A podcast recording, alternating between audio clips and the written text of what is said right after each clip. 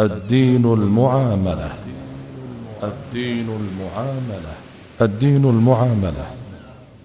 برنامج يبين المنهج الشرعي في تعامل الناس مع بعضهم. البرنامج من إعداد وتقديم الشيخ الدكتور عبد العزيز بن فوزان الفوزان. البرنامج من تنفيذ جمعان الجمعان. بسم الله الرحمن الرحيم. الحمد لله رب العالمين والصلاة والسلام على عبده ورسوله نبينا محمد وعلى آله وصحبه أجمعين. مستمعي الكرام سلام الله عليكم ورحمته وبركاته. تحدثت إليكم في حلقات كثيرة ماضية عن الحقوق الزوجية وحقوق الوالدين وحقوق الأولاد وحقوق الأرحام وحقوق الجيران وحديثنا اليوم وما يليه من حلقات سيكون عن حقوق المسلمين بعضهم على بعض. وسوف أركز على أربع قضايا مهمة. الأولى بعنوان إنما المؤمنون إخوة. والثانية قوة الأخوة الإسلامية. والثالثة أثر العبادات في تحقيق الأخوة بين المسلمين.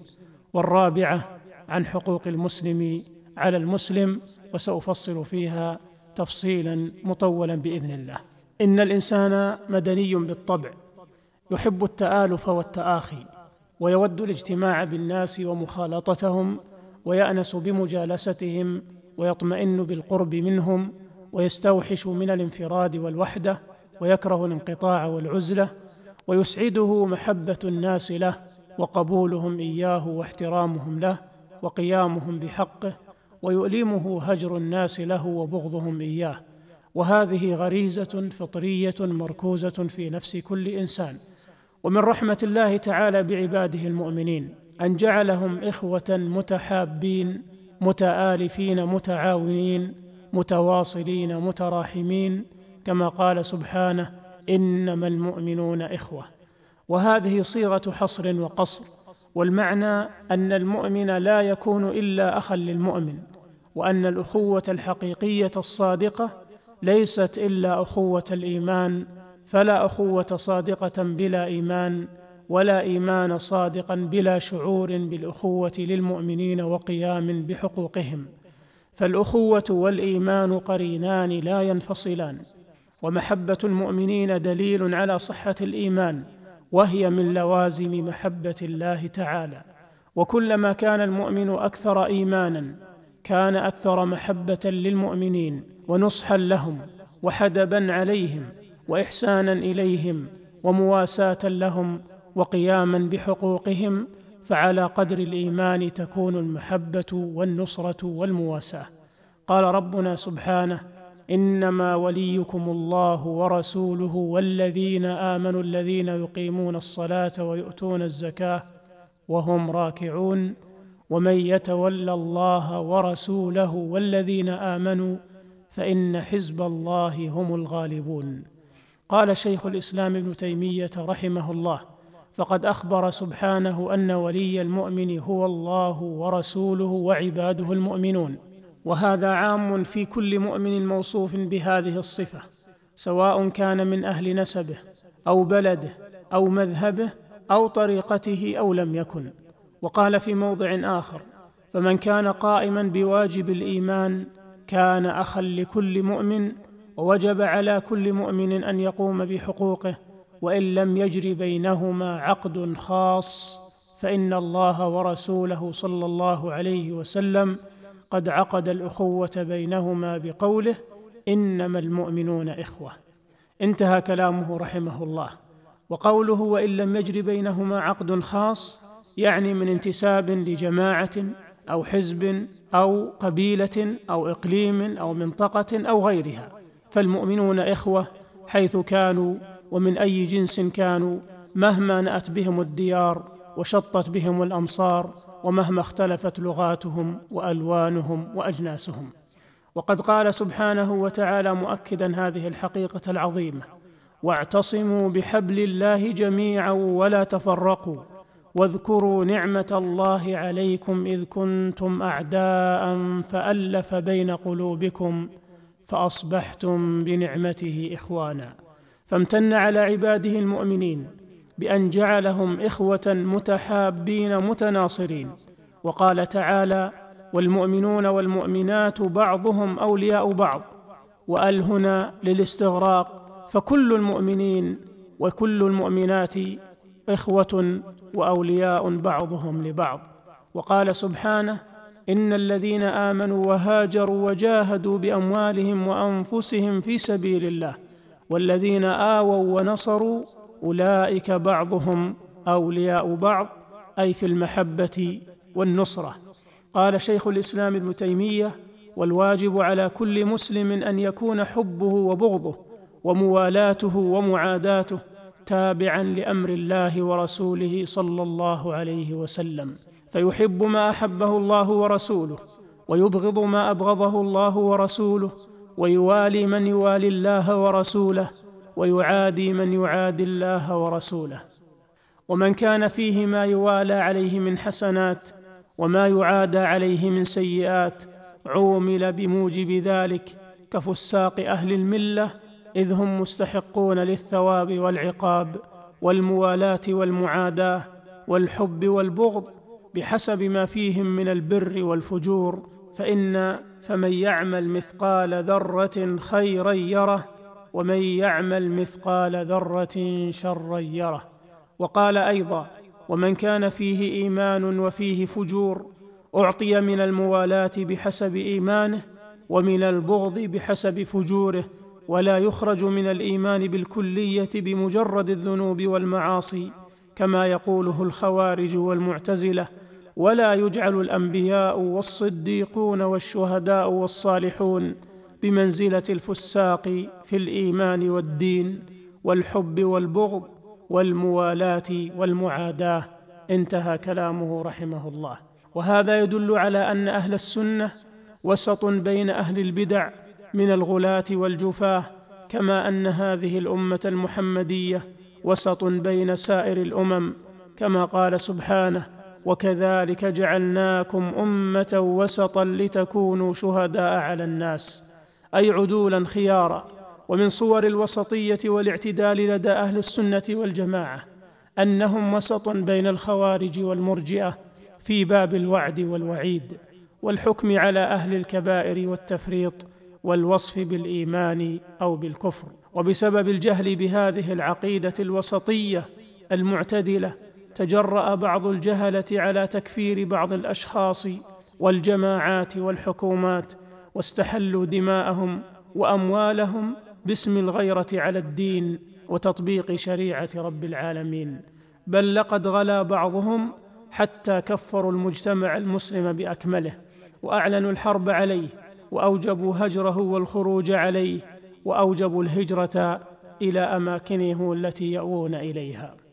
أيها الأحبة إن رابطة الأخوة الإسلامية هي أقوى الروابط وأصدقها وأبقاها وهي الحاكمة على ما سواها من الروابط والعلاقات فما كان منسجما معها ومؤكدا لها أقره الإسلام وحث عليه وما كان متعارضا معها ومنافيا لها أبطله الإسلام وحذر منه. قال ربنا سبحانه لا تجد قوما يؤمنون بالله واليوم الآخر يوادون من حاد الله ورسوله ولو كانوا آباءهم أو أبناءهم أو إخوانهم أو عشيرتهم. وقال سبحانه يا أيها الذين آمنوا لا تتخذوا آباءكم وإخوانكم أولياء إن استحبوا الكفر على الإيمان. ومن يتولهم منكم فأولئك هم الظالمون. قل إن كان آباؤكم وأبناؤكم وإخوانكم وأزواجكم وعشيرتكم وأموال اقترفتموها وتجارة تخشون كسادها ومساكن ترضونها أحب إليكم من الله ورسوله وجهاد في سبيله فتربصوا حتى يأتي الله بأمره. والله لا يهدي القوم الفاسقين. قال ابن عاشور فجعل الإسلام جامعة الدين هي الجامعة الحق للمسلمين وأبقى ما عداها من الجوامع جوامع فرعية تعتبر صالحة ما لم تعد على الجامعة الكبرى بالانحلال. فجعل رابطة دينه الحق رابطة مقدسة تصغر أمامها الروابط كلها ودعا الناس لاتباعه ليكونوا أمة واحدة تجمعها وحدة الاعتقاد والتفكير والعمل الصالح. كما قال سبحانه وإن هذه أمتكم أمة واحدة وأنا ربكم فاتقون. فتقطعوا أمرهم بينهم زبرا كل حزب بما لديهم فرحون. وقال سبحانه أن أقيموا الدين ولا تتفرقوا فيه كبر على المشركين ما تدعوهم إليه. وقال الإمام القرطبي في قوله عز وجل إنما المؤمنون إخوة أي في الدين والحرمة لا في النسب. ولهذا قيل أخوة الدين أثبت من أخوة النسب فإن أخوة النسب تنقطع بمخالفة الدين وأخوة الدين لا تنقطع بمخالفة النسب. انتهى كلامه رحمه الله. فالأخوة في الدين رباط مقدس وثمرة من ثمرات الإيمان والذي يؤمن بالله ويحبه حب المخلصين يحب من أجله جميع المؤمنين مهما اختلفت ألسنتهم وألوانهم وتباينت أوطانهم وبلدانهم. ومن هنا يتضح الفرق بين رباط الدم والنسب وبين رباط الإيمان وأخوة الإسلام. فإن رباط الإيمان والإسلام أقوى وأبقى وأهم وأخطر وذلك يتبين من وجوه خمسة. اولا لأنه رباط بين العبد وبين ربه. فالله تعالى هو الذي عقد هذه الأخوة بين المؤمنين وأمرهم بتوثيقها والتمسك بها والبعد عن كل ما يكدرها أو ينقصها من أسباب العداوة والشقاق والقطيعة والهجران. ثانيا أن رباط الإيمان حاكم على رباط الدم والنسب ومهيمن عليه كما بيناه قبل قليل. ثالثا أن هذا الرباط هو الباقي الذي لا يفنى والأبدي الذي لا يزول بعد أن يموت عليه صاحبه. الأخلاء يومئذ بعضهم لبعض عدو إلا المتقين. رابعا أن هذا الرباط هو الرباط الخالص لوجه الله المقرب إليه وليس رباط مصلحة شخصية أو منفعة دنيوية سرعان ما يزول أو يضعف بزوال هذه المنفعة أو ضعفها. خامسا أن هذا هو الذي يستحق أن يتمسك به وأن يفخر به وأن يفرح بمثله ويعتصم بحبله وأن يشاد بأهله. فهي أخوة في الله ولله ليست رباطا ماديا ولا منفعة مصلحية دنيوية وهذا هو المعبر عن كيان الإنسان ومكانته عند الله في الدنيا والآخرة وهو وحده أساس السعادة والسيادة والكرامة والعزة. قال الشيخ ابن عاشور هذه الجامعة لا تعادلها جامعة أخرى لأن جوامع الأنساب والمواطن جوامع اصطلاحية قاصرة. ولا تحل محلها جامعة البشرية أو الإنسانية لأنها جامعة واسعة جدا لا يلتئم تحتها البشر لأن البشرية قد اختلفت بالعقائد والأعمال فلا يرجى للملتفين تحت كلمتها اتفاق. ولأنها أيضا جامعة مادية لأنها عائدة إلى شيء مادي وهو جنس البشر. إن أخذناه على حاله من اختلاف العقائد والأعمال والتفكير فإن شرطناه بالاتحاد في الاعتقاد والتفكير والعمل فقد عدنا به إلى الجامعة الدينية وهو المقصود. انتهى كلامه رحمه الله وللحديث مزيد بيان في الحلقة القادمة بإذن الله. أستودعكم الله الذي لا تضيع ودائعه. والسلام عليكم ورحمة الله وبركاته.